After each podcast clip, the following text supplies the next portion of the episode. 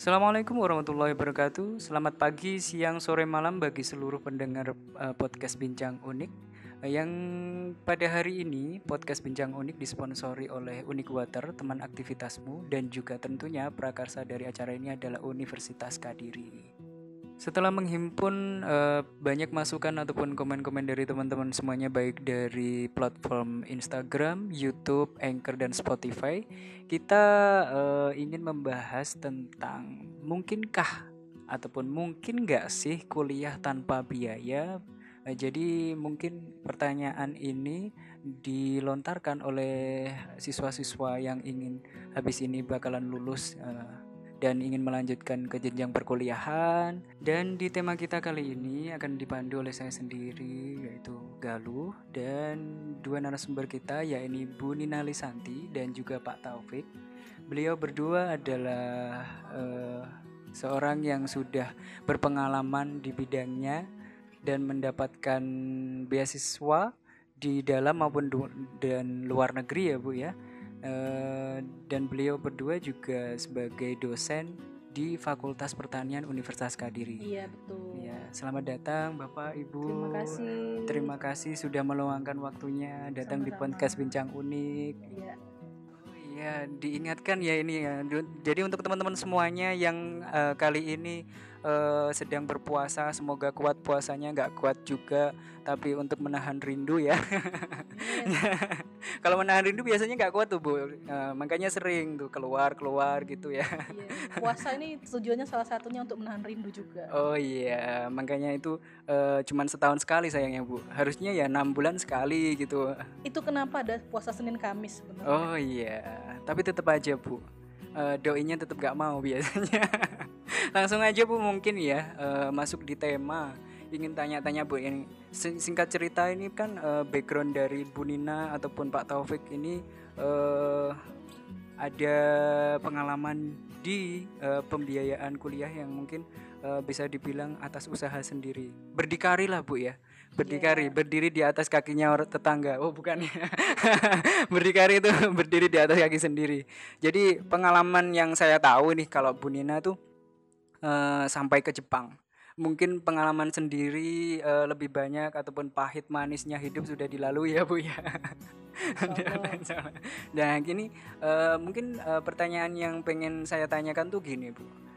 Kiat-kiat seorang calon siswa ataupun calon mahasiswa ataupun mahasiswa deh ya Bu ya agar bisa membiayai kuliahnya sendiri itu eh, gimana sih Bu sebenarnya? Oh berarti kalau ditanya kiat-kiat itu berarti kan tips dan triknya ya. Iya. Oh kalau ditanya tips dan trik ya saya ada beberapa poin ya yang selalu ini ini di luar forum ini pun saya sering eh, apa diskusikan dengan teman-teman yang lain, dengan adik-adik tingkat saya, Iya. dengan saudara-saudara saya. Pokoknya siapa aja yang pengen tahu itu pasti ada beberapa poin yang yang perlu untuk apa ya? Eh, untuk diketahui oleh semua bahwa yang pertama kali harus dilakukan itu adalah harus mengubah mindset atau pola pikir. Kan selalu berpikiran orang kalau berpikiran orang Indonesia ya pada umumnya itu pasti mikirnya beasiswa luar negeri itu pasti susah banget nih didapat. Iya. Susah-susah banget itu. Hmm. Padahal faktanya beasiswa luar negeri itu banyak sekali. Dan itu berlimpah, kesempatannya itu banyak dan ada di mana-mana.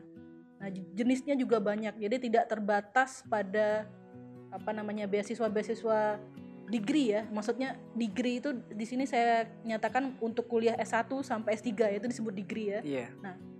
itu disebut beasiswa tapi ada juga beasiswa lain jadi kan kita tidak ha- di- tidak harus dapat degree kan sebenarnya kita dengan bisa short course misalnya short Iya. course itu uh, kuliah pendek aja misalnya cuma tiga bulan Iya. atau satu bulan sekalipun atau dua minggu sekalipun itu sudah bisa dibilang ada pengalaman untuk sekolah di luar negeri kan ya Iya. tidak harus mendapatkan degree. Jadi saya rasa di sini harus dirubah dulu mindsetnya bahwa beasiswa itu banyak, jenisnya banyak. Jadi saya bisa sebutin satu-satu. Misalnya tadi di- dimulai dari degree itu yang paling atas ya dari S1 sampai S3 itu disebut degree. Eh, kemudian ada beasiswa short course, ada disebut fellowship. Nah semuanya dalam bahasa Inggris ya kebetulan ya karena ya memang yang mengadakan tuh banyak orang luar dan di- karena ini global seluruh dunia jadi digunakan bahasa Inggris. Maka eh, ya kalau namanya fellowship itu bisa jadi antar universitas itu ada kerjasama. Makanya disebut fellowship. Kemudian ada research student. Nah saya rasa ini Pak Taufik nih masuk ke research student. Jadi ma- mahasiswa yang juga sek- sek- sekaligus untuk meneliti yang hobi meneliti suka dengan penelitian. Ya Pak Taufik ya Iya, terima kasih Bu Nina. Ya betul sekali apa kata Bu Nina. Jadi menambahi eh, yang pertama betul kata Bu Nina yaitu merubah mindset. Jadi buat adik-adik teman bincang, sobat bincang ini eh, pertama yang pertama yaitu kan sebagai siswa. Sebagai siswa itu selama ini kan dia seba- seperti bayi itu masih disuapin terus, disuapin baik dari biaya maupun materi. Kemudian eh, ketika ada dari siswa itu ingin melanjutkan untuk ke perguruan tinggi maka menjadi mahasiswa. Nah mahasiswa inilah yang di mana kita harus merubah mindset bahwasanya ternyata kita tidak perlu eh, membutuhkan biaya banyak untuk kuliah. Sebenarnya gitu. Mungkin dari eh, pengalaman dari Bu Nina itu kan eh, pengalaman untuk menerima award untuk beasiswa Iya, di betul. luar negeri gitu Iya. kan. Nah, di sini seperti yang katakan Bu Nina, ada yang namanya student research ya Iya, ataupun research uh, student. research student. Nah, di sini pengalaman saya untuk menjadi research student yaitu memang buat adik-adik nanti yang sudah masuk uh, ke perguruan tinggi harus niat terlebih dahulu pertama. Kemudian niat untuk belajar ternyata niat untuk mengembangkan suatu penelitian karena mahasiswa itu nantinya akan menjadi suatu cendekiawan ataupun intelektual, kaum intelektual. Nah, di situ tentunya juga tidak lepas dari dunia penelitian. Nah, adik-adik nanti juga bisa nanti bergabung dengan eh, mungkin dosen adik-adik semuanya, teman-teman bincang eh, bergabung untuk me- melakukan suatu penelitian. Dan juga nanti banyak lagi, Mas. Eh, menarik nih. Mungkin eh, pertanyaan dari teman-teman semuanya yang bisa saya wakili itu gini. Eh, apalagi di masa pandemi seperti ini ya. Eh, memungkinkan tidak? Eh, kan tadi sudah disebutkan kalau eh, ingin kuliah itu kan basisnya itu bisa pakai beasiswa ataupun eh, usaha sendiri. Nah, ya yang memungkinkan untuk teman-teman semuanya itu apalagi di masa pandemi seperti ini. Kalau eh, kuliah sendiri itu caranya seperti apa? Mungkin ada pengalaman dari ibu ataupun bapak. Eh, nanti ada pengalaman apa? Dan kalaupun memang beasiswa, yang dimaksud beasiswa itu apa dan jalurnya gimana? Itu teman-teman semuanya baik calon mahasiswa ataupun mahasiswa itu kalau ingin meneruskan itu bingungnya di situ tuh bu. Nah pengennya tuh eh, mungkin bisa diberikan nanti eh, caranya tuh memangnya seperti apa? Baik definisinya beasiswa ataupun eh, usaha sendirinya tuh gimana bu? Untuk kuliah tuh kayak gimana? ini rasa, eh, saya rasa ini kita harus sama-sama eh, samakan persepsi dulu beasiswa itu apa sih gitu iya kan Oh, ya Iya iya. Coba Kalau di KBBI sih ya bu Iya. ya. KBBI sih eh, beasiswa itu tunjangan yang diberikan kepada pelajar atau mahasiswa sebagai bantuan biaya belajar. Dari- bantuan biaya belajar ya kan Iya. Nah, Di jadi- situ bingung. Mm-mm. Nah kalau menurut ibu tuh gimana beasiswa tuh jadinya? ya itu tadi bantuan biaya belajar entah itu bantuannya secara full atau mungkin sebagian yang pasti bi- biaya itu tidak dikeluarkan oleh diri sendiri kan atau orang tua atau wali yang membayari kita itu untuk belajar kan untuk sekolah Iya. Nah, jadi saya rasa semua jenis eh, biaya yang tidak kita keluarkan sendiri oleh si pelaku itu atau orang tua atau walinya itu disebut beasiswa. Nah, itu tadi eh, ada dua hal tadi. Yang pertama ada yang biasa dibiayai oleh pemberi beasiswa, yaitu bisa eh, pemerintah, bisa universitas, bisa swasta, bisa sponsor ya, bisa banyak. Dan yang kedua adalah atas usaha dari si mahasiswa atau siswa itu sendiri. Nah ini macam-macam nih. Saya waktu S1, S2 itu melakukan hal itu. Jadi saya berusaha bagaimana caranya saya bisa membiayai diri saya sendiri, tapi tidak mengganggu waktu kuliah saya.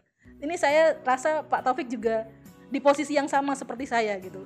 Jadi ini kami diundang ke sini nih emang sengaja ini biar berbagi buat eh, teman-teman bincang gimana sih kiat-kiat kami biar bisa biayain eh, kuliah sendiri dengan usaha sendiri dan dengan bantuan beasiswa artinya ada pemberi beasiswanya itu yang entah itu pemerintah, universitas atau eh, swasta dan sponsor. Gimana nih Pak Taufik? Waktu dulu eh, pengalamannya dalam tanda kutip ya biaya sendiri gitu. Iya. Apa aja nih yang dilakukan? memang ini kita diundang ini sudah chemistry-nya sudah ada Bu, ya. Iya, betul. Jadi tadi Bu Nina hampir sama, hampir sama. Memang hampir sama untuk teman-teman yang ingin kita karena saya jujur ketika saya kuliah ketika itu memang tanggungan orang tua saya banyak ya kan. Kemudian adik-adik saya banyak dan saya berpikir itu saya ingin kuliah buat teman-teman. Saya ingin kuliah seperti teman-teman itu. Tapi untuk biaya pendidikan bagaimana gitu. Nah, kemudian saya berusaha untuk mencari berusaha untuk mencari bagaimana agar biaya pendidikan saya ataupun biasa mungkin teman-teman itu BPP di kampus itu biaya pendidikan. Nah itu bagaimana bisa tercover? Mungkin yang pertama bisa usaha sendiri ya kan? Teman-teman bisa sekarang eh, banyak uh, milenial yang untuk me me melakukan suatu usaha mandiri. Kemudian yang kedua yaitu mencari beasiswa salah satunya. Nah di untuk kiat-kiatnya yang pertama saya yang pertama tentunya beasiswa itu ada persyaratan. Nanti mungkin Mas Galuh bisa uh, mengorek lagi bagaimana persyaratannya. Silahkan cari berbagai macam uh, yang menyediakan beasiswa itu silahkan cari. Kemudian yang pertama yaitu niat pertama niat. Ketika kalian teman teman-teman bincang ini sudah masuk pertama yaitu tingkatkan prestasi akademik terlebih dahulu gitu loh Nah, itu pertama prestasi akademik. Karena apa? Nah, prestasi akademik itu nanti akan menjadi nilai menunjang untuk uh, menjadi persyaratan beasiswa. Kemudian yang kedua, uh, akademik maupun non akademik. Mungkin karya tulis, kemudian itu silakan teman-teman untuk ber, uh, berekspresi. Yang terakhir, manfaatkan karena kalian mahasiswa ditempuh dengan mungkin uh, S1 itu 4 tahun silahkan untuk beraktif di organisasi itu juga nanti akan menambah wawasan untuk uh, relasi-relasi gitu mas nah masalahnya nih tapi buat calon mahasiswa ataupun uh, siswa-siswa yang sekarang masih di kelas 3 tuh Bu. Iya. mikirnya tuh mungkin padahal tuh fasilitas sudah ada ya tapi untuk mencari itu susah nah mereka tuh masih mempertanyakan uh, carinya tuh di mana? Dan uh, mau ke mana kalaupun saya mau mencari informasi Iya. tersebut gitu. Walaupun sudah banyak yang bilang di Google ada di Google ada. Ya Iya. tapi tetap bingung teman-teman semuanya tuh apakah kepikiran uh, pacarnya atau gimana? Saya nggak tahu bu. Nah ini mungkin ibu mungkin bisa menjelaskan mungkin di Iya. situ. Sebenarnya ya terima kasih ya untuk teknologi yang sekarang ini ya di jam dibanding zaman saya dulu ya. Saya saya bukan di zaman purba juga sih ya. Maksudnya eh, di saya kan udah mungkin sekitar 10 tahun lalu lah ya ber- bergelimang di dalam usaha mem- memperoleh beasiswa dibanding dengan sekarang beasiswa apa informasi mengenai beasiswa itu sudah sangat-sangat mudah untuk didapat didapat ya. Bisa diakses oleh siapa saja sebetulnya. Ada banyak situs online populer ya yang sampai saat ini saya masih ngikutin itu misalnya beasiswa.id kemudian IND Indonesia ya indbeasiswa.com scholarshippositions.com itu banyak sekali sebetulnya. Jadi jangan mencarinya itu di Google. Ya jangan menggunakan Yahoo. Jangan jangan menggunakan situs pencarian yang eh, memang hanya untuk pencarian secara umum ya. Jadi tapi memang ada situs-situs online yang khusus untuk beasiswa dengan informasi yang lengkap. Dan bahkan ada akun-akun sosial media juga. Facebook itu juga ada yang resmi ya. Jadi seperti scholarshipposition.com tadi resmi itu ada. Scholarship internasional kalau yang mau yang dalam apa eh, luar negeri ya. Instagramnya juga ada.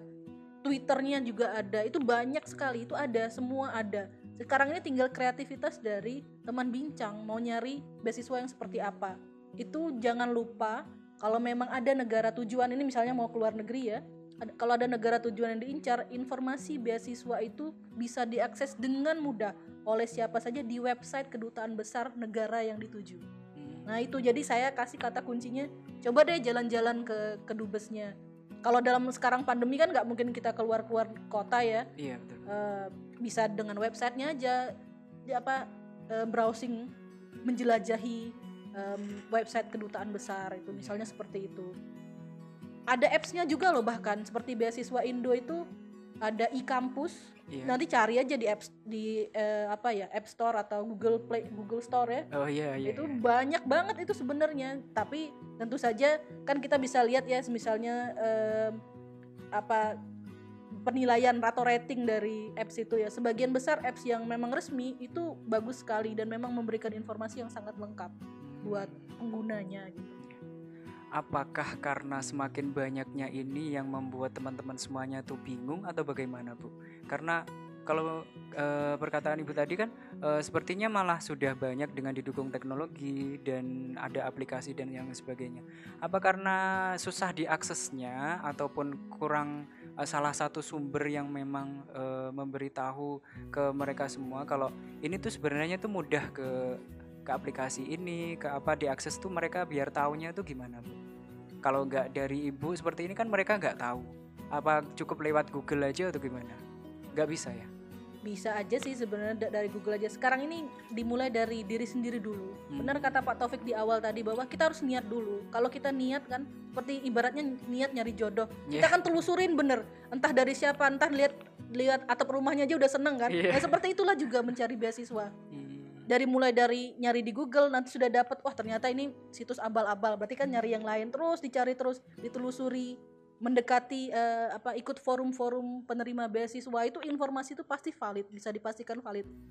Apalagi tadi yang saya bilang kalau mau keluar negeri langsung ke kedutaan besarnya. Itu informasi sudah pasti valid jadi yang bikin sulit itu sebenarnya mungkin persyaratannya dalam tanda kutip ya. Iya. karena teman-teman bincang mungkin waduh persyaratannya kok susah banget gitu. IPK-nya harus sekian gitu. Nah ini ini juga perlu saya informasikan bahwa em, apa ya walaupun memang betul em, IPK itu penting tapi tidak semua beasiswa itu mewajibkan harus cum laude. Hmm. gitu loh. Ya saya sendiri bukan cum laude. Saya dulu waktu S1 itu sibuk mencari uang juga sambil kuliah. Iya. jadi agak kuliah saya agak keteteran sehingga saya nggak sampai cum laude tapi alhamdulillah saya masih bisa dapat beasiswa. Jadi intinya apa? Beasiswa itu dapat diikuti oleh semua orang dapat dikejar untuk semua orang. Jadi nggak bukan privilege hanya untuk yang laude nggak juga gitu. tapi buat mereka eh, beasiswa itu adalah buat mereka yang mau berusaha lebih. Jadi itu kata kuncinya usaha lebih. Hmm. mulai dari usaha lebih untuk nyari beasiswanya, nyari informasinya, apa ngikutin semua tesnya. Nah nanti kita ngobrol tentang tesnya juga. Oh iya betul. Nah, mungkin saya mau dengar nih Pak Taufik mungkin pengalamannya tuh gimana? Kalau saran saya gini ya, eh, teman bincang bincang tadi Mas Galuh bilang bahwasanya ini kan kelas 3, sekarang apalagi pandemi gitu kan, malas-malesan dengan adanya media sosial, banyaknya media sosial. Kalau saran saya ini, teman-teman yang ingin bagaimana sih kuliah gratis, datang aja, silaturahim aja, temui Bu Nina. Bu Nina ini berada di mana ini? Betul, welcome kita welcome Ah, banget kok. Di mana? Di Iya. Unik kan? Ya, nanti di fakultas pertanian di Unik ah, mungkin teman-teman bisa sharing Bu Nina. Karena apa? Saya mempunyai prinsip, Mas. Saya eh, dulu eh, apa mendapatkan beasiswa, kemudian mendapatkan award untuk riset. Nah, itu karena saya apa? Belajar dari pengalaman. Coba Oh. eh, mungkin Mas Galuh ataupun Bu Nina, ketika kita an- akan mendaki gunung, ya kan? Itu sudah ada jalur yang dibuat orang Ya, ya kan? Sehingga kita akan mudah untuk mencapai puncak. Ya. beda kalau te- teman-teman mencari sendiri mencari jalan sendiri. Kita harus menebang pohon menebang lain-lain mencari jalan yang lain. Kita akan susah untuk mencari puncak. Nah itu yang menjadi prinsip saya. Moto saya saya mencari banyak teman-teman yang mempunyai pengalaman. Saya tanya bagaimana sih caranya bagaimana sih pengalamannya. Mungkin teman-teman kalau bingung malas-malasan datang aja ke silaturahim ke sama Bu Nina gitu kan yang mungkin sudah pengalaman di Jepang gitu Kalau mau Gitu. keluar negeri, Bangsa kalau mau yang mau di Indonesia negeri. boleh ke Pak Taufik. Nah, Lagi-lagi kan kita welcome Mm, banget ya. Iya, iya. gitu. Saya menambahkan juga, ternyata tidak harus nilai yang bagus. Ternyata, tinggal kita kemauan. Saya eh, mendapatkan beasiswa S2. Kebetulan saya BPP, beasiswa pendidikan. Jadi full eh, SPP saya dibiayai oleh kampus. Itu memang programnya kampus sendiri. Karena saya apa? Mencari informasi, kemudian apa persyaratannya ya. Menambah lagi pengalaman. Mungkin Bu Nina eh, un- untuk nilainya tidak tidak komplot tapi ada nilai apa lagi yang menjadi daya Betul, dukungnya betul, iya. itu yang mungkin teman-teman untuk menambahi portofolio menambahi bagaimana pengalamannya itu mungkin nanti tanya aja Bu Nina. Eh, dari yang sudah disampaikan ya Bu, eh, ada dua perspektif di sini berarti ada beasiswa yang dari luar yang sudah disampaikan oleh Bu Nina dan oleh Pak Taufik itu dari dalam negeri. Eh, pertanyaan saya yang selanjutnya memungkinkan ke tingkat kesulitan dari eh, untuk mendapatkan beasiswa yang di luar negeri dan dengan mendapatkan beasiswa dalam negeri. Apakah sama-sama sulitnya seperti perspektif teman-teman semuanya yang ada di luar? atau eh, sebenarnya kalau tahu caranya seperti yang sudah diutarakan tadi, eh, kalau tahu caranya, tahu infonya, tahu tempatnya yang ingin ditanyakan, itu sebenarnya mudah semuanya eh, dan didorong dengan kemampuan yang sudah dimiliki. Eh, jadi apakah ada skalanya bu? Susahan di luar negeri ataupun sulah eh, susahan di eh, dalam negeri seperti itu? Bu? Kalau saya ya, saya saya S1 dapat eh, apa? beasiswa dari dalam negeri ya. Waktu S2 saya dapat beasiswa dari luar negeri. Jadi saya kan bisa sudah merasakan keduanya ya. Iya. Tiap beasiswa itu memiliki persyaratan yang berbeda-beda. Tapi ada satu persyaratan yang kurang lebih sama, yaitu kemampuan berbahasa dan soft skill lainnya. Ya, jadi itu selain tadi persyaratan tadi nyambung obrolan kita sebelumnya bahwa eh, tidak harus memiliki IPK tinggi ya. Tapi beberapa beasiswa itu memang harus memiliki IPK di atas standar tertentu, tertentu misalnya 3,25 misalnya minimal ya. Iya. Itu untuk yang mahasiswa. Iya. Atau kalau misalnya untuk yang anak SMA mau kuliah itu mungkin nilai rapotnya harus berapa gitu ya, Iya, nilai. UN-nya harus berapa gitu ya. Kan kalau sekarang kan berubah-berubah terus ya masalah Iya, nilai itu. betul. Jadi itu mungkin bisa dilihat nanti di info beasiswanya masing-masing yang dituju. Tapi rata-rata semua beasiswa itu eh, menginginkan mm, pem- apa penerima beasiswa itu eh, memiliki kemampuan berbahasa yang lebih di atas rata-rata. Itu itu yang saya pelajari bahwa tadi saya bilang kan bahwa IPK saya nggak tinggi, tapi saya memper memoles keahlian saya berbahasa asing. Jadi seperti itu. Kalau saya ini dari saya ya, saya pribadi eh, dari pengalaman saya, saya apa mempelajari bahwa hampir semua beasiswa itu fokus kepada nilai dalam artian nilai akademis dan nilai dari em, soft skill yang lainnya. Iya. Nah, mungkin nilai akademis saya saya sudah merasa, waduh ini saya nggak bisa upgrade upgrade lagi karena saya sudah terlewatkan kan kalau saya harus ngulang lagi eh, mata kuliah yang sama itu kan saya artinya harus ngeluarin biaya lagi. Maka saya memoles dari sisi kemampuan berbahasa asing saya yang salah satu juga persyaratan dari beasiswa tersebut. Jadi kalau untuk hampir semua beasiswa itu baik dalam dan luar negeri bahasa Inggris itu wajib banget. Jadi buat teman-teman bincang yang sekarang masih SMA, ayo mulai kursus gitu. Kursus juga nggak harus yang mahal-mahal kok. E, manfaatkan teknologi yang ada sekarang misalnya dengan menggunakan apa namanya ya e, YouTube belajar dari YouTube itu bisa Iya, banget bisa, gitu, bisa. bisa banget. Jadi ikut-ikut em, apa ngobrol-ngobrol sama em, apa ya orang-orang asing di Ome TV misalnya Iya, itu bisa betul. banget gitu. Itu untuk Naki melatih. ya, Bu? Iya, Iya, ya Vicky seperti itu, seperti contohnya Vicky Naki gitu itu sebagai salah satu apa ya usaha kita untuk memoles kemampuan berbahasa Inggris. Lalu misalnya tujuan negara tujuannya bukan negara berbahasa Inggris, tetap persyaratan itu pasti pertama kali adalah bahasa Inggris. Jadi a- tapi kalau misalnya tujuan negara tujuan kita itu tidak berbahasa Inggris, misalnya seperti saya ya eh, milih sekolah di Jepang, saya juga belajar bahasa Jepang. Selain bahasa Inggris saya juga harus saya saya poles gitu. Hmm, Itu nggak ada salahnya, tapi itu kan sudah opsional ya. iya. Jadi yang wajib itu adalah ke kemampuan bahasa yaitu berbahasa Inggris. Jadi em, khusus khusus untuk bahasa Inggris sebaiknya mulai ngikutin kursus kalau pengen apa dapat beasiswa ya dalam dan luar negeri ikut kursus TOEFL dan IELTS biasanya yang untuk luar negeri yang seperti itu. Jadi itu dipoles lah segimana caranya biar bisa mencapai skor yang dibutuhkan oleh pemberi beasiswa itu. Seperti itu jadi Mas Galuh. Berarti eh, pada intinya eh, kalau menurut Bu Nina eh, setiap beasiswa itu mempunyai kesulitannya masing-masing. Betul, Nah, ya. Kalau menurut Pak Taufik nih gimana? Kan punya pengalaman juga di dalam negeri eh, dalam mendapatkan beasiswa. Apakah setuju dengan pendapatnya Bu Nina kalau masing-masing itu punya eh, kesulitannya masing-masing gitu eh, tiap beasiswa itu? Iya betul itu eh, sesuai ada kesulitan masing-masing ya. Memang dulu saya pengen ke luar negeri mas. Waktu S2 itu pengen ke luar negeri karena saya memang jujur TOEFL saya yang belum terpenuhi.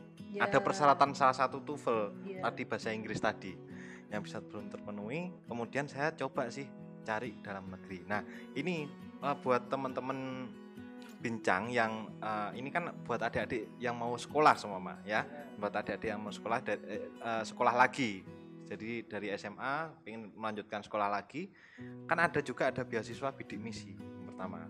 Nah beasiswa bidik misi itu malah katanya malah enak kan ya. Sudah dibiayai pendidikan malah ditambahi uang saku. Betul. wah sudah berpenghasilan malahan Iya. adik-adik. Kemudian bidik misi sekarang ada programnya pemerintah ada jika mendapatkan KIP Ya, itu juga KIP. salah satu beasiswa. Nah, kemudian yang belum mendapatkan beasiswa bidik misi KIP, bagaimana caranya? Yang pertama yaitu prestasi akademik. Dulu waktu saya prestasi akademik itu saya mengumpulkan nilai eh, KRS ya. Karena saya basicnya dari sains jadi 2,75 zaman dulu. Minimal 2,75 sains. Nah, kemudian eh, itu ada program beasiswa yang salah satu pemberi beasiswa salah satu bank. Kemudian saya mendaftarkan. Ada salah satu nilai saya sama dengan teman saya nilai saya nilai akademik saya. Tetapi ada sa- salah satu saya yang menjadi nilai penting saya mencari informasinya apa sih kenapa kok saya mendapatkan beasiswa itu? Ternyata saya men- eh, mengikuti organisasi nah buat pengalaman teman-teman organisasi ya. pengalaman organisasi itu Iya. menjadi salah satu nilai tambah ternyata. Nah ini buat teman-teman nanti yang masuk di eh, kampus di universitas gitu kan di perguruan tinggi khususnya di Universitas Kadiri ini kan juga banyak ada BEM, ada eh, apa himpunan, ada UKM dan lain-lain. Silahkan mengikuti organisasi itu karena ada manfaatnya. Ketika nanti ada pemberi akan yang akan mensponsor, ibaratnya sponsor beasiswa itu akan bekerja sama dengan kampus, itu nanti salah satunya yaitu nanti akan melengkapi portofolio portofolio kalian ataupun kurikulum vitae bahwasanya mempunyai pengalaman organisasi. Organisasi. Nah, itu. Kemudian eh, terakhir untuk skripsi saya, saya ini gimana sih skripsi sa- saya itu waktu dulu sains eh, di biologi itu sekian juta gitu kan. Sekian Biayanya juta. ya? Iya, biaya Iya. biaya penelitiannya. Bagaimana sih? Kalau saya ini untuk biaya sendiri, wah ini nggak mungkin ini gitu kan. Ternyata salah satunya yaitu eh, saya mendekati karena menjadi asisten dosen waktu itu saya dipercaya menjadi asisten dosen itulah saya diajak dosen saya sehingga dibiayai oleh dosen saya. Itu beasiswa. Kemudian teman-teman bisa ini selain beasiswa gimana sih cara kuliah biar gratis gitu kan? Iya, itu dari usaha sendiri. Dulu saya juga jualan bu iya. dulu saya juga jualan mungkin Bu Nina juga jualan jadi jualan apa di kampus jadi berwirausaha di sini juga di Universitas Kadiri juga ada yang namanya eh, kewirausahaan juga kan mata Iya. kuliah kewirausahaan nah nanti mungkin teman-teman bisa eh, berusaha apa kewirausahaan itu nanti gitu mas Eh, semakin menarik nih. Eh, tadi kan eh, lebih mengedepankan beasiswa ya. Eh, untuk teman-teman semuanya yang ingin kuliah tuh harus kayak pakai beasiswa ternyata bisa pakai usaha sendiri. Nah, Betul. eh, pertanyaan saya yang selanjutnya masih eh, terkait beasiswa aja bu. Nanti biar runtut. Eh, kalau beasiswa eh, berarti tidak memandang bulu siapa pun. Tidak memandang bulu. Siapa pun boleh ikut serta. Iya. Ya. Dan berarti tidak ada privilege untuk golongan tertentu nggak ada ya? Tidak ada. Iya. Kalau pemberi beasiswanya itu memang murni memberikan beasiswa, malah nggak mau diduitin gitu istilahnya. Oh, ya iya. nggak mau ada istilah orang dalam dalam tanda kutip ya. Jadi memang murni hasil saringan gitu. Oh, iya. Jadi memang eh, akses untuk mendapatkannya sebenarnya juga mudah Betul. dan untuk siapa pun juga. Betul. Eh, dan yang paling penting di sini garis besarnya adalah eh, teman-teman semuanya tuh eh, bisa memaksimalkannya eh, di jenjang mana pun dan kapan pun ya bu setelah iya, eh, lulus sekolah boleh. ataupun nanti mau lulus eh, mau ke S2 ataupun S3 juga Betul. bisa ya. Bu? Atau se- selama sedang me- melakukan kuliah juga bisa. Beasiswa itu juga tetap tersedia. Hmm, Sedang menempuh kuliah misalnya saat ini. Iya. Bisa, masih bisa. Kesempatan itu selalu ada. Hmm. Sekarang ini tinggal apakah teman-teman bincang itu mampu mengakses itu tadi. Makanya kalau memang ada niatnya untuk dapat beasiswa harus rajin-rajin mengakses eh, apa tadi informasi-informasinya itu. Oke, baik. eh gini nih, Bu. Eh untuk akses eh, semisal seseorang tuh dihadapkan apalagi sekarang itu kan pasti eh, banyak sekali yang sudah tertarik sama beasiswa. Ya, Cara bertahan supaya ma- calon mahasiswa ini bisa mendaftarkan diri tanpa ada beasiswa. Apakah eh, ada cara lain Bu selain mendapatkan beasiswa, selain usaha sendiri? Karena mungkin oh, aku mencari modal aja susah di masa pandemi seperti ini, orang tuaku juga susah. Apakah memungkinkan semisal saya mempunyai dana yang sedikit dan saya masuk, tapi saya modal nekat aja yang penting saya sekolah dulu. Apakah itu memungkinkan dia itu bisa untuk lanjut sekolah ataupun tidak? Itu biasanya seperti itu, Bu. Pertanyaannya dari teman-teman bincang tuh. Nah, itu kembali lagi ke kebijakan dari institusi ya, institusinya. Apakah bisa misalnya diangsur biaya kuliah itu gitu seperti itu ya. Oh, iya. Jadi kembali lagi ke institusinya. Nah, kalau saya rasa ya kalau di uni- di institusi kita ya di Iya. Unik ya, Universitas Kadiri itu memberikan keringanan buat siswa atau calon mahasiswa untuk bisa mengangsur biaya eh, kuliahnya seperti itu. Dengan tujuannya apa? Jadi dengan diangsurkan jadi lebih ringan ya biaya Iya, yang harus betul. dibayarkan. Nah, biaya yang lebih ringan ini bisa dicicil. Akhirnya artinya mahasiswa ini bisa mengusahakan. Misalnya tadinya biayanya mungkin 10 juta, ini hanya permisalan ya. Permisalan 10 juta bisa diangsur 10 kali kan artinya satu juta kan lebih ringan. Iya, Nah, itu seperti itu. Nah, itu bagaimana sih kok bisa seperti itu ya kembali lagi itu kan kebijakan dari institusi masing-masing. Hmm. Kalau saya rasa seperti itu. Nah, apa yang bisa dilakukan ya? Itu tadi seperti yang tadi Pak Taufik jelaskan ada banyak sekali. Entah itu mahasiswa itu memang harus kreatif ya. Iya. Apalagi sekarang kita banyak apa program kreativitas mahasiswa itu bagian dari usaha pemerintah juga untuk mengajak mahasiswa itu agar lebih kreatif.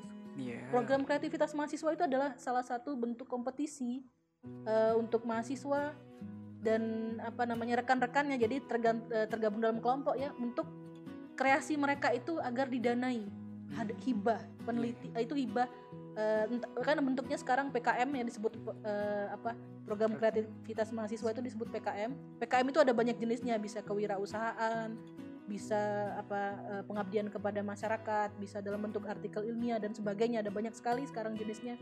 Mulai 2021 ini kalau nggak salah ada berapa bidang gitu. Itu ini saya berbicara dalam dalam ruang lingkup bahwa setelah menjadi mahasiswa ini ya Iya. tentu saja begitu terdaftar menjadi mahasiswa kita bisa mengikuti program tersebut. Setiap tahun pemerintah mohon maaf pemerintah membuka eh, kesempatan untuk itu bagi semua mahasiswa seluruh Indonesia.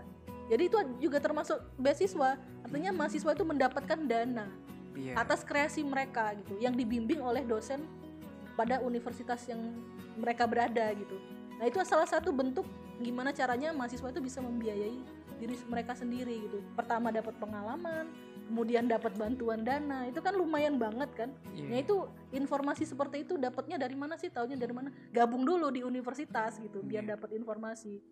Seperti kembali lagi tadi em, Pak Taufik juga ngomongin tentang apa tadi eh, pengalaman organisasi ya. Iya. Ya itu juga organisasi itu juga banyak akan teman-teman dalam organisasi juga akan pasti akan berbagi informasi macam-macam ya tentang beasiswa tentang kerja kerjaan part time gitu ya. Iya. Itu juga masuk banget itu. Saya dulu ya zaman saya kuliah ya kalau saya boleh flashback Hmm. saya dulu em, bekerja atau mendapatkan peker- eh, apa ya tambahan uang jajan itu ya dalam tanda kutip ya uang jajan yang lumayan besar Hmm. itu ya dari membantu teman-teman mencatatkan kalau dulu kan kalau sekarang kan gampang ya bisa diaksesnya sudah pakai flash disk sudah pakai Iya. kirim di WhatsApp atau kirim em, email ya tapi kalau zaman saya dulu itu harus mencatat Hmm. terus dosennya tuh masih pakai OHP itu ya Iya. jadi kan otomatis do- mahasiswanya kan masih harus catat Iya. Nah itu saya tuh kadang masuk da- dari kelas ke kelas ngikutin kelasnya kakak-kakak tingkat yang males-males untuk kuliah. Saya nyatetin kuliahnya mereka.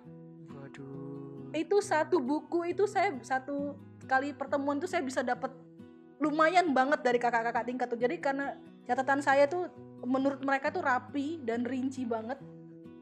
Oke, tadi sudah diutarakan oleh Bu Nina maupun Pak Taufik ya eh, terkait eh, beasiswa definisinya itu seperti apa dan juga jenis-jenisnya itu apa saja. Dan pertanyaan yang selanjutnya kalau menurut saya sih gini Bu, Eh, teman-teman semuanya itu secara umum persyaratan untuk mendapatkan beasiswa apakah banyak secara eh, kita lihat kan kalau teman-teman tuh oh beasiswa itu mungkin syaratnya banyak jadi banyak yang mundur duluan tuh biasanya Iya. seperti itu nah kalau menurut Ibu syarat eh, secara umumnya saja untuk mendapatkan beasiswa itu apa saja Bu buat modal teman-teman semuanya ini Iya, ya namanya kita mau dikasih orang uang ya. Dengan kata lain ya, apa pun itu pasti butuh syarat dan butuh perjuangan, butuh pengorbanan. Nah, enggak itu enggak beda juga beasiswa itu eh, kalau saya bisa hitung-hitungan ya, paling minimal itu butuh waktu enam bulan untuk persiapan. Wah, cukup panjang Iya, ya. enam bulan sampai satu setengah tahun. Jadi kalau saya selalu bikin target dalam hidup. Jadi kalau saya pengen ke sana, jadi saya rasa teman-teman bincang juga harus memulai seperti itu. Berburu beasiswa, melamar beasiswa itu butuh banyak persiapan dan persyaratan. Jadi kalau kita bisa ngomongin secara umum, persyaratan dan persiapan itu yang mulai dari belajar bahasa. Iya. Karena hampir semua beasiswa persyaratannya adalah kemampuan berbahasa. Lalu belajar membuat CV. Nah, ini yang kadang kalau teman-teman bincang yang masih SMA, apaan sih CV gitu. Dan itu penting banget belajar membuat CV itu juga penting. Kemudian motivation letter. Eh, pesurat motivasi ini khusus untuk yang keluar negeri ya. Pasti Iya, itu iya. akan ditanya. Apa sih motivasi Anda untuk mendapatkan beasiswa dari kami gitu. Itu pasti ditanya dan kita harus buat Eh, kalau pengen punya beasiswa eh, dapat beasiswa lalu persiapan dokumen dan persyaratan lain-lain belajar interview itu juga dan banyak sekali jadi semua itu harus dipelajari dalam waktu yang nggak singkat kan makanya saya bilang butuh enam bulan minimal sampai satu setengah tahun sampai Wow. kita siap untuk mengajukan beasiswa jadi beasiswa itu nggak serta merta wah ada lihat beasiswa ngajuin ah sekarang. Enggak Oh, persiapannya tuh pasti harus ada. Ya bisa aja sih kita dadakan tapi itu tadi jadinya juga dadakan gitu. Tidak ada persiapan akhirnya ibaratnya mau berperang amunisi kita kurang. Nggak ada. iya jadi kita kurang persiapan itu pasti hasilnya juga nggak bisa maksimal. Tapi kalau kita sudah bersiap-siap dari awal tentu juga dengan semua persiapan disertain doa disertain restu dari orang tua dan keluarga insya Allah beasiswa apa yang kita pengen kejar itu bisa kita peroleh. Yakin ini omongan saya karena saya sudah mencoba semua cara dan ternyata ini yang saya kumpulkan bahwa ternyata saya memang butuh waktu untuk persiapan macam-macam ini. Tidak sedikit tidak dapat diselesaikan dalam jangka waktu 1 sampai 2 bulan. Itu nggak mungkin terjadi seperti itu jadi persyaratan secara umum itu pertama kali formulir aplikasi. Di situ akan kelihatan semua layak nggak sih aku ini untuk dapat itu? Itu nanti jadi pertanyaan buat diri kita sendiri. Hmm. di formulir aplikasi itu terlihat. Jadi itu ibaratnya adalah kesempatan bagi kita untuk menjual diri dalam tanda kutip ya. Iya. bahwa aku ini layak loh untuk kamu biayai sekolahnya. Aku ini layak untuk dapetin uang ini gitu. Karena banyak sekali pendaftar penyeleksi itu tidak akan eh, tidak apa maksudnya ya tidak akan ngeliatin kualitas tidak akan melihat kualitas kita diri kita itu hanya dari formulir. Dan- tapi juga jadi hal yang penting ya formulir ini kan pasti hal pertama itu mengenai data diri kita pengalaman organisasi seperti tadi kata Pak Taufik pengalaman eh, volunteer tadi saya lupa ya. Selain organisasi volunteer itu penting relawan menjadi relawan jadi pengalaman organisasi itu akan melihat kepemimpinan jiwa kepemimpinan kita. Mampukah kita menjadi pemimpin buat organisasi dan pemimpin buat diri sendiri? Mampukah teamwork bekerja di dalam tim? Kemudian mampukah kita memiliki empatikah kita terhadap orang lain? Itu tadi volunteer. Nah, itu penting banget untuk eh, beasiswa loh. Jadi jangan dianggap sepele nih misalnya jadi relawan di kampung jadi apa Karang Taruna di atau remaja masjid itu penting, Penting loh. juga. Iya, itu adalah pengalaman organisasi. Misalnya nih jadi pengurus di apa ya di RW ngurusin 17 Agustusan misalnya itu, itu juga penting. Jadi jadi jadi jangan kayak saya nggak setuju nih anak-anak sekarang kan rata-rata nolep ya. Iya, nolep ya. Nah, itu. Nggak Jadi maksud saya ayo bersosialisasi gitu. Ayo bergabung dengan apa ya? Organisasi-organisasi ngumpul sama teman-teman yang satu hobi misalnya jadi apa ya? eh, ikutan klub Vespa, klub eh, motor beat misalnya ya. Nggak apa-apa gitu. Itu kemampuan kita dalam berkumpul, bersosialisasi itu juga akan terlihat dari kemamp apa akan dilihat eh, itu jadi memperkaya CV kita. Orang yang pengalaman hidupnya banyak itu akan lebih dilirik oleh eh, penyeleksi dibanding yang nolep tadi Iya gitu. sih. Jadi buat teman-teman semuanya ya yang mendengarkan ini eh, bisa di- sedikit dikurangi mungkin nolepnya ya Bu ya. Betul ya. Jadi menurut Pak Taufik ini gimana? Apakah menyetujui bahwasannya eh, syaratnya itu eh, di rentang 6 sampai satu tahun dan padahal kan bisa lebih lama ya Bu ya tadi ya. Ya, Apa- bulan sampai satu setengah tahun. Sampai satu setengah tahun. Apakah dulu pengalamannya Pak Taufik juga seperti itu? Iya betul. Apa kata Bu Nina saya sangat setuju sekali Mas ya. Memang betul yang katakan Bu Nina yaitu ada rencana. Ya, memang Ya, ada rencana betul, terlebih ya. dahulu. Ya itu salah satu rencananya ya enam mungkin sampai satu tahun gitu kan setengah tahun. Itu mungkin persiapan nanti ada yang mungkin ada persyaratan yang TOEFL. Ya, Teman-teman belajar. TOEFL gitu kan. Ya. Yang saya menyimpulkan bahwasanya persyaratannya kan salah satunya yaitu motivation letter. Motivasinya apa? Saya ingin Betul. uh, apa namanya? Dapat saya ingin mendapatkan beasiswa. beasiswanya gitu kan. Mama penyedia beasiswa kan kayak di iklan gitu kan. Kita kan meminta untuk biaya beasiswa itu kan. Nah, di iklan saya saya kasih satu permintaan ya kan. Satu permintaannya beasiswa, mendapatkan beasiswa. Syaratnya apa gitu kan? Nah, motivasimu apa? Motivation letter. Kemudian kurikulum vitae, betul kata yang dikatakan Bu Nina tadi kurikulum vitae. Secara umum dulu pengalaman saya itu kemudian ada salah satu lagi letter of recommendation mungkin Iya, tambahkan betul, betul, lah iya. jadi rekomendasi rekomendasi dari kolega ataupun dari teman kolega riset kemudian kolega teman sebagai saudara ataupun apa. Dulu saya eh, menjadi nilai itu mendapatkan rekomendasi dari lima profesor. Nah itu yang mungkin eh, teman-teman bisa berusaha. Nah bagaimana cara mengenalinya? Ya masuk dulu. Masuk dulu di kampus dah. Masuk dulu kita kenal kita eh, itu terus kemudian kita join riset kemudian kita menjadi asistennya. Nah itu kan juga sebagai salah satu kolega ataupun teman yang nantinya akan memberikan rekomendasi.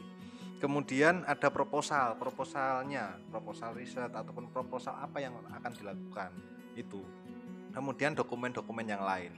Nah mungkin eh, Bu Nina juga nah, tadi salah satunya juga dari restu keluarga dan orang tua Iya. saya menambahkan tapi ini bu, ini bukan untuk menjadi persyaratan loh. Saya menambahkan ini ini adalah restu dari calon istri ataupun suami gitu. karena karena kan mau ditinggal ke luar negeri kan ya Bu ya. Nah, ini juga itu. Saya dulu juga itu. Dek gimana? Ah, saya mau mendapatkan beasiswa. Saya ingin kuliah lagi kan mama. Saya ingin kuliah tapi mendapatkan beasiswa. Mau menunggu nggak? Nah, itu merestui kan? Nah, itu juga menjadi salah satunya. Itu Menyimpulkan ya, mestakung ya Pak mestakung semesta harus mendukung Oh siap. kan? Iya. betul betul. gitu. Kemudian yang pertama adalah rencana tadi. Kemudian yang kedua saya eh, triknya yaitu cek tanda. Cek tanda ini yaitu selama kita mere- merealisasikan rencananya tadi, di list, dicek tandanya. Apa yang kurang, apa yang kurang, apa yang kurang. Oh ini yang oh ini ternyata ada yang kurang. Dievaluasi. Kenapa? Kenapa? Kenapa? Kenapa gitu kan. Oh ternyata kurangnya ada persyaratan TOEFL yang kurang skornya ya. Kita belajar lagi gitu Iya. kan. Kemudian yang ketiga yaitu amati. Nah, ini amati. Peluangnya apa? Peluangnya bagaimana? Kita amati gitu kan. Itu mungkin eh, salah satu yang saya lakukan. Jadi lebih dikedepankan motivasi dari teman-teman ya Bu dan kesungguhannya sebenarnya seperti apa. Iya. Masalahnya teman-teman tuh mungkin motivasinya kadang udah turun duluan Bu, ngelihat Mas, syarat-syarat saya tuh. ada tipsnya loh mas Nah, ini- waktu nulis motivasi letter ya motivation letter ya Iya. apa em, surat motivasi itu kalau bisa jangan mainstream jadi misalnya nih mainstream kayak ini saya ingin kalau misalnya mau keluar negeri nih Iya. saya ingin mempelajari budaya baru nah, itu kan mainstream banget mas Iya. semua orang pasti bakal semua hampir semua apa eh, calon penerima beasiswa ini yang mengajukan beasiswa itu hampir semua itu akan menjawab hal yang sama jadi berusahalah untuk menjawab eh, menuliskan surat itu yang beda dari yang lain Iya. Gitu, kreatif jadi jangan saya sangat tertarik untuk belajar bahasa Jerman misalnya mau ke Jerman nih. Iya. aduh mainstream banget. Orang lain juga bakal jawab seperti itu. Lalu apa kuncinya ini? Saya ini pengalaman saya dulu ya. Motivation letter itu saya menceritakan fakta-fakta misalnya ya fakta-fakta hidup saya ya. Misalnya pengalaman dan motivasi saya dari masa kecil saya. Kenapa sih saya pengen banget kuliah di luar negeri gitu? Itu saya nyatakan di surat itu. Jadi bukan bukan apa eh, pernyataan-pernyataan mainstream. Karena itu pasti ah sudahlah sama sama orang lain. Kita harus berani menunjukkan bahwa saya unik saya div- saya berbeda gitu loh. Saya unik dan saya berbeda karena itu saya layak untuk mendapatkan beasiswa ini gitu. Kita itu manusia ini kadang takut banget untuk berbeda. Padahal tidak ada yang salah dari menjadi berbeda itu. Justru kalau kita berbeda itu bisa jadi kita justru lebih baik dari orang lain loh mas. Oh iya. itu seperti itu.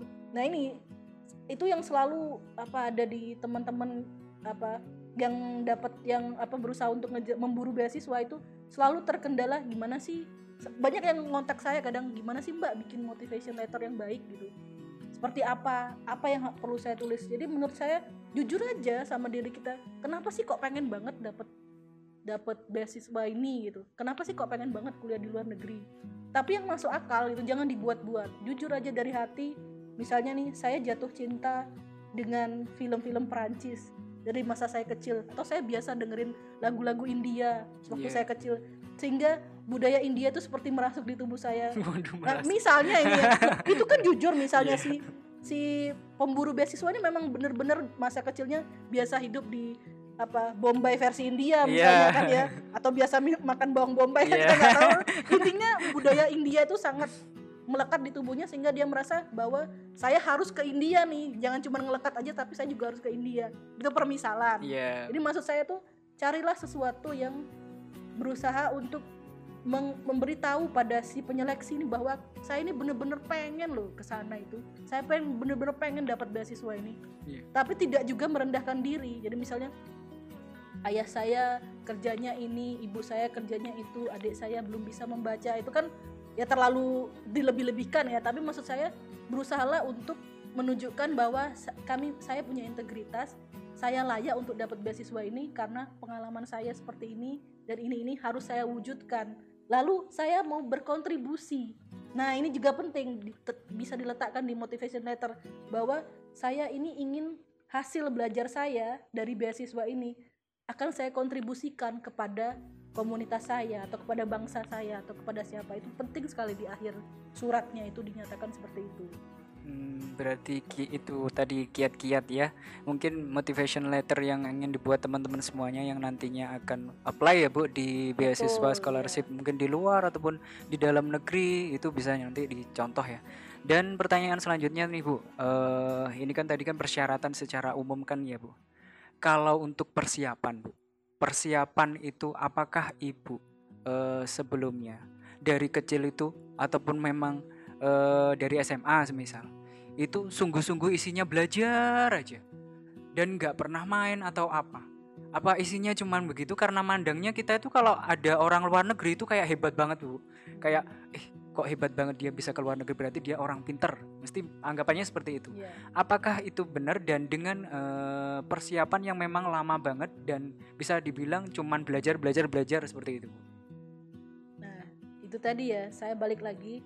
Kalau saya flashback ke masa kecil saya, saya termasuk bukan tipe yang senang belajar banget gitu. Tapi saya termasuk tipe yang senang mereview pelajaran. Jadi saya nggak senang belajar. Kadang di kelas juga saya yang males-malesan gitu. Tapi begitu saya merasa, wah saya pengen tahu nih. Saya termasuk tipe orang yang curious ya, pengen tahu iya memiliki apa rasa ingin tahunya besar. Jadi kalau saya tidak tertarik di eh, mata pelajaran itu atau mata kuliah itu, saya biasanya ya sudah gitu. Saya tinggalin gitu. Jadi saya saya tapi saya membesar apa me- berusaha untuk fokus di mata kuliah atau mata pelajaran yang saya sukai. Saya tipe yang seperti itu. Jadi saya akan belajar dan fokus benar-benar saya dalami di mata pelajaran atau mata kuliah yang saya suka. Dan saya juga tidak terlalu pusing ambil pusing di mata kuliah atau mata pelajaran yang saya nggak suka. Jadi ka- kalau saya seperti itu saya menyikapinya. Karena tidak tidak semua orang pintar itu tidak akan pintar di semua bidang kok. oh iya iya benar benar. Jadi seperti saya, saya kecil dari kecil tuh seneng banget namanya belajar bahasa asing gitu. Jadi ya saya gimana caranya kalau dengar orang ngomong bahasa asing tuh saya tertarik sekali. Waduh ngomongin apa ya? Kok saya pengen ikut? Tapi saya nggak ngerti. Jadi gimana caranya? Saya dengerin, mulai dari dengerin lagunya. Jadi nggak harus belajar itu kan nggak harus rutin duduk dengan apa? Duduk harus belajar harus menulis itu tidak. Kita bisa menggunakan berbagai media pembelajaran kan. Nonton TV. Zaman saya dulu kan belum ada YouTube ya Iya. nonton TV saya minta sama orang tua saya beliin kaset saya dengerin kaset dulu ya dulu masih pakai kaset ya Iya, saya di kaset. Nah, yang kotak-kotak tuh bu. iya yang diputar pakai pensil kalau Iya. kaset pitanya ini Iya, pitanya keluar itu iya, jadi menggunakan media-media seperti itu untuk belajar belajar itu nggak harus selalu di atas di atas meja gitu bisa sambil tidur tiduran sambil dengerin lagu-lagu mengingat mencoba menghafal seperti kita menghafal ayat-ayat itu kan kalau sering didengar kan otomatis terus masuk kan terekam Iya. gitu ditempel di apa namanya di dinding-dinding kamar. Jadi dibanding poster-poster Tau Mingse zaman dulu ya, Iya. saya sudah say goodbye dengan itu, bocele, ya, bocele itu. Atau yang zaman sekarang poster-poster apa eh, apa boyband boyband Korea itu lebih baik menurut saya buat teman-teman bincang yang tertarik untuk eh, dapat beasiswa. Ya mulai aja nempelin hal-hal yang berbau beasiswa. Misalnya pelajaran untuk memoles bahasa tadi gimana caranya ngejawab waktu interview gitu. Jadi membiasakan diri dulu itu ter- terbiasa ala bisa karena biasa. Kalau sudah terbiasa lingkungan hidup kita seperti aku harus keluar negeri nih aku harus dapat beasiswa nih aku harus bisa bantu orang tua dengan tetap kuliah tapi nggak harus membebani orang tua. Kan bisa itu Bisa, kan bisa. harus kita tanamkan dulu di di tubuh ini harus bisa merasakan bahwa hati ini benar-benar inginkan gitu Wis. iya bener kan seperti sekali itu, ya iya. Tuhan. puitis ya tapi memang kenyataannya seperti itu Iya benar. kita harus eh, semua tubuh kita ini harus kita ajak untuk menuju ke sana Hmm. jadi cuman jangan cuman mau aja pengen aja tapi hobinya rebahan itu nggak Ya. mungkin banget terjadi gitu ya Kebanyakan gitu sih Bu tapi ya. nah itu sulit banget itu jadinya terrealisasi jadi rebahannya nggak apa-apa tapi sambil belajar Oh gitu iya. Bisa ditarik kesimpulan berarti eh, sukai eh, sesuatu yang memang atau eh, sungguh-sungguh aja di salah satu yang disukai, betul gitu ya. iya. Kalau menurut Pak Taufik nih gimana? Apakah betul kan kebanyakan orang tua tuh kayaknya kalau Bu Nina tadi sampaikan kan sukai, semisal sukai matematika aja gitu. Kan kalau di mata pelajaran atau apa biasanya eh, orang tua itu memaksakan semuanya itu harus bisa gitu Pak. Nah apakah Bapak mengamini perkataan dari Bu Nina bahwasanya ya sukai aja yang kamu yang sungguh-sungguh ini ya sukai satu aja nggak apa-apa gitu. Betul Mas, kata Bu Nina betul. Karena masing-masing individu mempunyai passion masing-masing. Ya, Iya. mempunyai passionnya sendiri-sendiri. Ketika kita menggali harus menguasai semua, ya gimana gitu kan? Kita harus menguasai sa- salah satu. Kalau saya du- eh, dulu gini, kita ngen- kenali KCK ya kan? Kenali dulu, kenali diri kita sendiri. Kemudian kita sudah kenal ka- kayak sampean ya kan, kenal dengan cewek. Kita kenal dulu kan? kemudian kita kenal kok ini kok ini kok ada rasa ini kita sudah ketertarikan ya ketertarikan kemudian cintai nah kita cintai diri kita gitu kan. Diri kita kita cintai. Kita harus belajar apa? Oh oh kita eh, passionnya salah satu A gitu kan. Ya kita harus cintai A gitu kan. Kemudian kalau sudah cinta sama-sama cintanya kemudian kuasai.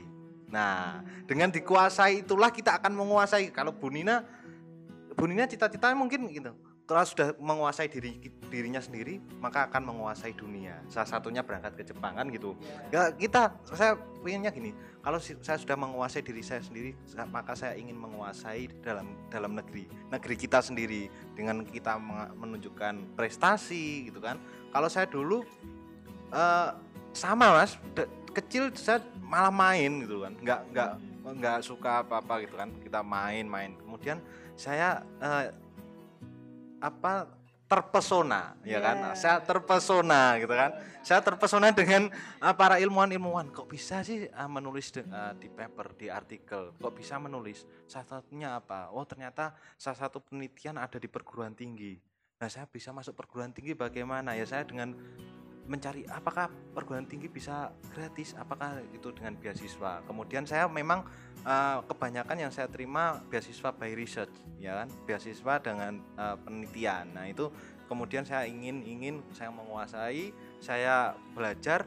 Nah akhirnya ya itu. Mungkin eh, pengalaman saya gitu. Ingat ya KCK. Apa tadi Pak? Kenali, Kenali, cintai, kuasai. kuasai. Ini adalah salah satu tips ya Pak buat menguasai apa yang ingin disukai, termasuk cewek ya Pak ya.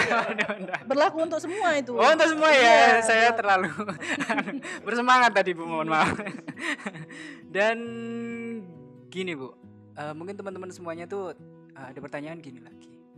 Eh, dari pengalamannya Ibu pasti ada ataupun Bapak ya, eh, pengalaman jatuh dari Iya. sini. pasti. Eh, dari teman-teman semuanya ini kan sering jatuh tapi tidak ingin bangkit lagi Bu. kayak ba- kayak lagu ya? Tidak ingin bangkit lagi. Nah yang paling susah itu gini menumbuhkan sifat dalam diri untuk bisa bangkit lagi itu. Kayak semisal aku eh, satu kali ditolak beasiswa.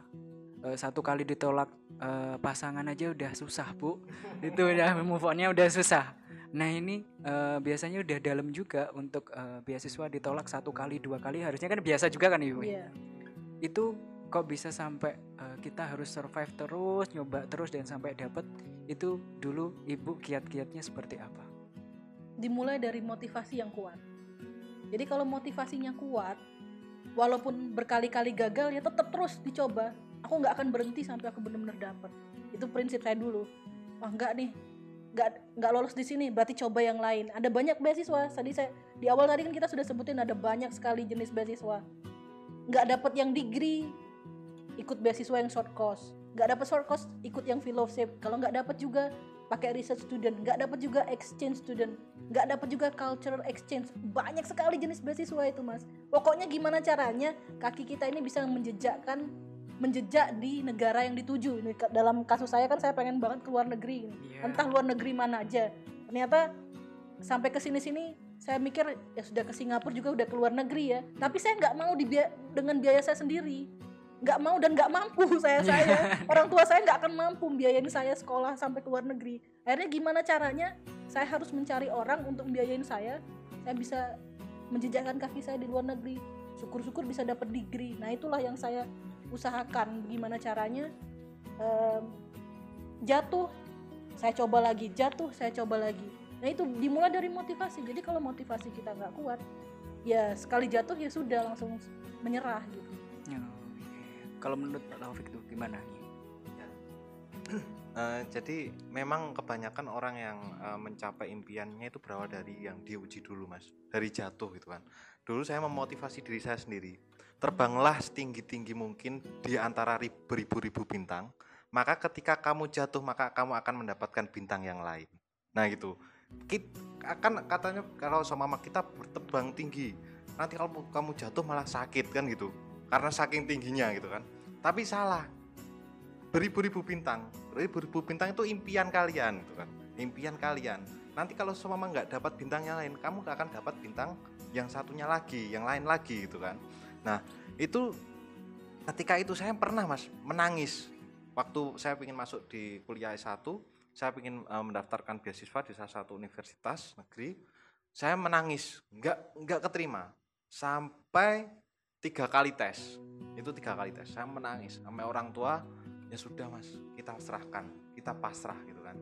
Nah orang tua memberikan ibarat. Ketika kita menggenggam sama menggenggamnya pasir menggenggam pasir kita erat-erat. Sama menggenggam pasir. Kalau kita sampai erat maka akan mendapatkan pasir sedikit ya kan? Ya. Nah, ketika kita ya kita pasrah pasrah, nggak usah erat. Bahkan kalau erat sedikit bahkan nggak ada pasirnya, sudah jatuh semua. Ketika kita pasrah, membuka tangan ya sudah kita pasrah, kita sudah usaha, ya maka nanti akan mendapatkan lebih banyak lagi. Dan akhirnya saya mendapatkan beasiswa yang mungkin eh, teman-teman yang tidak mendapatkan gitu kan, karena ya itu tadi ya sudah berserah gitu, berserah. Jadi buat teman-teman semuanya ya sudah eh, disampaikan tadi bahwasannya eh, beasiswa itu penuh perjuangan ya Pak ya, Ibu ya. Penuh perjuangan dan perlu motivasi yang tinggi untuk mendapatkannya. Nanti mungkin kalaupun nggak jatuh duluan seperti kamu mengejar dia, gitu ya, itu nanti bisa sesuai nanti kayak Bu Nina yang sampai ke Jepang ataupun by researchnya seperti Pak Taufik. Dan untuk eh, pertanyaan selanjutnya nih Bu ya, gini, eh tadi kan sudah menemui kegagalan. Secara di beasiswa sudah gagal, semuanya gagal, berulang kali gagal Bu. Padahal eh, ini masih di tahapan dia itu ingin eh, melanjutkan ke perguruan tinggi gitu. Apakah ada kiat khusus selain beasiswa untuk siswa tersebut eh, mendapatkan eh, kesempatan untuk eh, berkuliah ataupun eh, kuliah tanpa keluarin biaya sendiri Iya betul bu. Apakah ada kiat-kiat sendiri bu? Eh, kalau saya pribadi ya, ini ceritain pengalaman saya pribadi. Kalau sekarang ini saya rasa ada banyak sekali jenis beasiswa yang bisa didapatkan setelah masuk kuliah. Jadi memang harus daftar kuliah dulu sebagai mahasiswa dulu, baru dikejar beasiswanya setelah menjadi mahasiswa. Karena ada ada beberapa beasiswa itu tidak diberikan hanya untuk mahasiswa aktif. Nah itu jadi masuk dulu kuliah, entah itu PTS, entah itu PTN ya. Kalau jadi kalau di universitas kita ya Universitas Kadiri itu ada menyediakan jenis-jenis beasiswa nanti mungkin Pak Taufik nanti bisa detail apa ya jenis-jenis beasiswa mungkin nggak detail banget ya tapi apa aja beasiswa beasiswanya yang yang ada misalnya apa tadi ya kalau nggak salah Pak Taufik tadi nyebutin bidik misi nah itu Misi. seperti itu nah iya di, di zaman saya dulu belum ada bidik misi segala macam itu kayaknya bukan namanya ada tapi mungkin ma- namanya bukan itu gitu ya Iya. Nah, em, beasiswa tuh itu kan beasiswa artinya dari pemberi beasiswa. Nah Iya. ini sekarang ini gimana caranya sebagai mahasiswa kita nggak nggak nggak bisa dapat nih dari si pemberi beasiswa. Iya. Tapi kita juga nggak mungkin minta dari orang tua, ya kan? Berarti kita harus mengandalkan kreativitas kita sendiri. Berdikari yang kata Mas Iya. tadi pertama tadi. Seperti apa tuh bu kayak? Nah, kalau dari pengalaman saya, saya dulu gimana caranya kalau saya berusaha di luar kampus artinya saya akan ketinggalan informasi dan pelajaran saya di kampus Iya. jadi saya berusaha gimana caranya saya tetap di dalam kampus tapi saya dapat duit saya dulu gitu mikirnya nah jadi saya eh, pakai cara-cara yang istilahnya membantu teman-teman atau kakak-kakak tingkat saya dalam pelajaran mereka jadi saya tetap juga ikut pelajaran itu atau mata kuliah itu tapi saya juga dapat tambahan biaya dari mereka-mereka jadi contohnya gini mas zaman saya dulu masih pakai OHP Iya. ya apa kuliahnya itu ya Oh, kalau iya. kalau mungkin kalau teman-teman bincang nggak tahu OHP itu apa Oh, ya iya. mungkin nanti bisa dicari lah ya OHP itu apa jadi Taunya OHP PHP, Bu. oh taunya PHP ya itu ya Taunya PHP.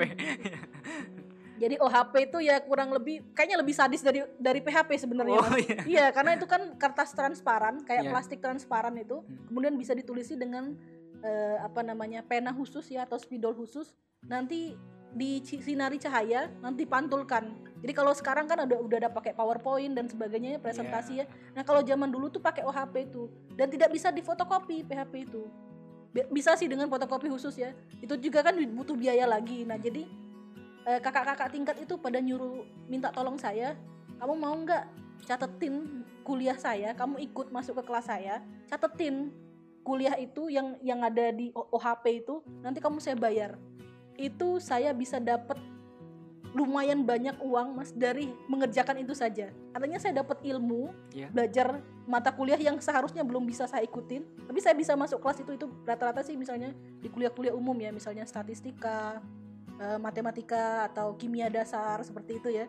Itu kan kuliah kamp apa eh, ruang kelasnya besar jadi dosen itu tidak peduli siapa pun boleh masuk gitu. Jadi saya yang pada not notabene belum bos- boleh ngambil mata kuliah itu pun dosennya juga nggak ngeh kalau saya itu bukan siswanya mahasiswanya beliau gitu. Oh iya. jadi saya masuk aja cuman untuk mencatat. Jadi kerjaan saya mencatat dengan mencatat kan semua indera saya kan diajak kecuali lidah ya Iya. diajak untuk bekerja ini kan. Akhirnya kan terekam di otak saya wah nanti pas kuliah itu waktu zaman saya benar-benar harus mengambil kuliah itu saya sudah advance sebenarnya. Oh. saya udah tahu duluan.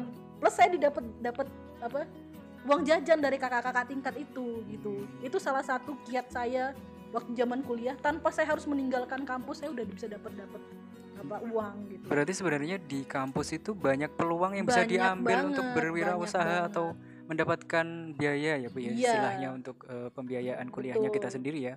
Dan untuk Pak Taufik nih. Gimana Pak? Eh, kalau Bapak dulu pengalamannya gimana? Kalau semisal apakah eh, ada usaha sendiri atau apa untuk memenuhi eh, kebutuhan kuliahnya? Baik Mas, Eh, sebelum saya menceritakan saya sendiri, di sini kan kebetulan adik-adik ini sangat perkembangan zaman ini sudah aturannya semakin mudah gitu kan. Apalagi di era sekarang, di era pandemi ada juga muncul peraturan kampus merdeka. Nah, Ya. di mana kampus Mer- merdeka itu banyak poin-poin, ada beberapa poin itu salah satunya ada mungkin magang, praktek itu di luar. Kemudian mengajar di sekolah, bisa melakukan mengajar di sekolah walaupun eh, sedang kuliah, melakukan penelitian ataupun riset, kemudian melakukan proyek kemanusiaan seperti yang Bu Nina katakan, yaitu salah satunya yaitu uh, mungkin mengabdi di desa dan lain-lain. Itu di, di di luar. Tetapi kebanyakan aktivitas saya itu memang dulu memang sudah dikenalin jangan menjadi mahasiswa kupu-kupu. Kuliah terus pulang, kuliah Iya, pulang, kuliah pulang. betul. Nah, terus saya berpikir, terus kalau nggak pulang gimana gitu kan? Apakah saya da- saya diem gitu kan, wi- wifian gitu kan? Nah, kemudian eh, ya saya mencari aktivitas bagaimana biar bisa menghasilkan di kampus ini gitu kan, di sini. Kemudian saya eh, berkenalan dengan dosen, Pak apa? Pertama itu gini, Pak apa yang bisa saya lakukan? Saya pertama dulu eh, memang nekat mas, nekat ngeyelan orangnya, ngeyelan gitu kan apa pun Pak saya menawarkan diri apa yang bisa saya lakukan itu kemudian eh, dengan mengenali dosen kemudian saya ada rekrutmen yaitu sebagai asisten dosen ataupun asisten laboratorium nah sebagai rekrut saya mengikuti tes kemudian eh, dari satu angkatan itu hanya yang cowok hanya saya saja satu saja yang cowok kebetulan karena saya sudah mengenali saya ngeyel tadi dengan niat saya bisa untuk eh, biaya sendiri kebetulan dari eh, hasil menjadi asisten itu tadi saya mendapatkan gaji. Nah, itu saya mendapatkan gaji yaitu untuk biaya, biaya nanti pendidikan saya. Kemudian setelah saya mendapat eh, saya pengalaman menjadi asisten, mulai dari semester 3 saya sudah menjadi asisten sampai akhir. Di akhir saya langsung direkrut oleh eh, dosen saya menjadi eh, bekerja di klinik jurnal namanya Mas. Klinik jurnal. Nah, Iya, itu iya, membuat eh, bagaimana yaitu suatu jasa untuk eh, asistensi publikasi jurnal ilmiah. Nah, di situ saya eh, mulai bekerja di situ, kemudian eh, klinik jurnal mulai berkembang, setelah eh, kemudian membuka suatu lab, laboratorium, jasa laboratorium, jasa layanan. Nah, di situ saya sudah mulai bekerja di situ dan memang betul kata Bu Nina. Selain nanti memang kalau dari awal beasiswa yang gratis kan bidik misi KIP itu salah satunya yang memang programnya pemerintah. Jangan berkecil hati buat teman-teman yang mungkin tidak bisa mendapatkan beasiswa itu. Silakan masuk dulu. Masuk dulu, kemudian kenali, cintai dan kuasai di situ. Nah, nanti beraktivitas kan itu. ya. Iya. Jadi dapat eh, saya ambil kesimpulan ibu sebenarnya kalaupun memang kepepet-pepetnya nih nggak dapat beasiswa sama sekali masuk aja dulu Iya. terus nanti baru eh, cari peluang yang ada di situ termasuk Betul. nanti eh, cari peluang usahanya betul. ataupun pengen jadi asisten lab kayak Pak Taufik seperti Iya. itu ya bu ya dan ini terakhir nih bu pertanyaan mungkin eh, yang nantinya bisa dijadikan pelajaran buat teman-teman semuanya ataupun bisa diambil oke bu. Pertanyaan terakhir nih bu. Eh, pesan-pesan buat teman-teman teman bincang ini eh, Iya. ke semuanya setelah mengetahui eh, kiat-kiat bagaimana untuk eh, bisa berkuliah secara minimalis ya bisa dibilang. Walaupun nanti bisa nggak biaya pakai beasiswa ataupun eh, bisa dengan biaya sendiri tapi dengan usaha-usahanya kreativitas masing-masing ya bu ya. Iya. eh, memungkinkan tidak bu? Berarti untuk teman-teman semuanya baik di luar negeri ataupun di dalam negeri untuk eh, berkuliah secara gratis itu memungkinkan tidak berarti? Mungkin sekali sangat mungkin. Untuk siapa pun ya ini. Tidak ter, jadi tidak terbatas pada si A si B Iya. dengan privilege A privilege enggak. Itu sangat mungkin untuk siapa pun. Dengan kata kunci mereka yang mau berusaha lebih. Berarti siapa yang punya motivasi tinggi, kesungguhan Betul. nantinya juga akan mendapatkan Iya. jalan ya bu ya. Kalau untuk Pak Taufik sendiri nih, apa mungkin pesan juga boleh Pak eh, buat teman-teman semuanya memungkinkan tidak untuk eh, bisa kuliah secara gratis ataupun minimalis yang sesuai yang diutarakan tadi. Sangat mungkin sekali, Mas. Sangat mungkin sekali. Jadi pokoknya seperti yang katakan Bu Nina, kita niat, kemudian eh, teman-teman niat untuk studi, teman-teman niat untuk mencari beasiswa, teman-teman niat untuk eh, jika tidak mendapatkan beasiswa, mencari untuk eh, biaya tambahan untuk eh, mengcover biaya pendidikannya. Yang terpenting yaitu kenali passionnya sesuai dengan passionnya, jangan memaksakan diri, Tuh. kemudian eh, kita berserah berserah diri kita berserah diri kita sudah berusaha ikhtiar dan yang terakhir adalah doa Eh, jangan lupa teman-teman tetap semangat walaupun di masa pandemi tetap semangat eh, terus belajar terus mencari kesempatan mencari peluang dan pesan saya take action with your passion terima kasih Asik sekali pesannya dari Pak Taufik ya. Mungkin kesimpulan yang bisa saya tarik ya Bu dari eh, apa yang sudah kita bincang-bincangkan tadi tadi adalah eh, kita bisa mengambil jalan apa pun dengan cara apa pun eh, untuk kuliah yang gratis ataupun tidak biaya eh, bisa dengan beasiswa ataupun eh, dengan usaha kreatif kita masing-masing. Nah, jadi untuk teman-teman semuanya bisa ditarik nanti apa hikmah dari pembicaraan kita. Jadi eh, tetap eh, dengarkan podcast Bincang Unik eh, setiap hari Senin di platform kita di Instagram ataupun di YouTube dan Anchor dan juga Spotify. Eh, terima kasih sebelumnya sudah mendengarkan lebih dari satu jam ya perbincangan kali ini. Terima kasih juga buat Pak Taufik dan Bu Nina atas kesempatannya memberikan motivasi buat teman-teman semuanya ataupun berbagi pengalamannya. Iya. Sekian dulu. Wassalamualaikum warahmatullahi wabarakatuh. Waalaikumsalam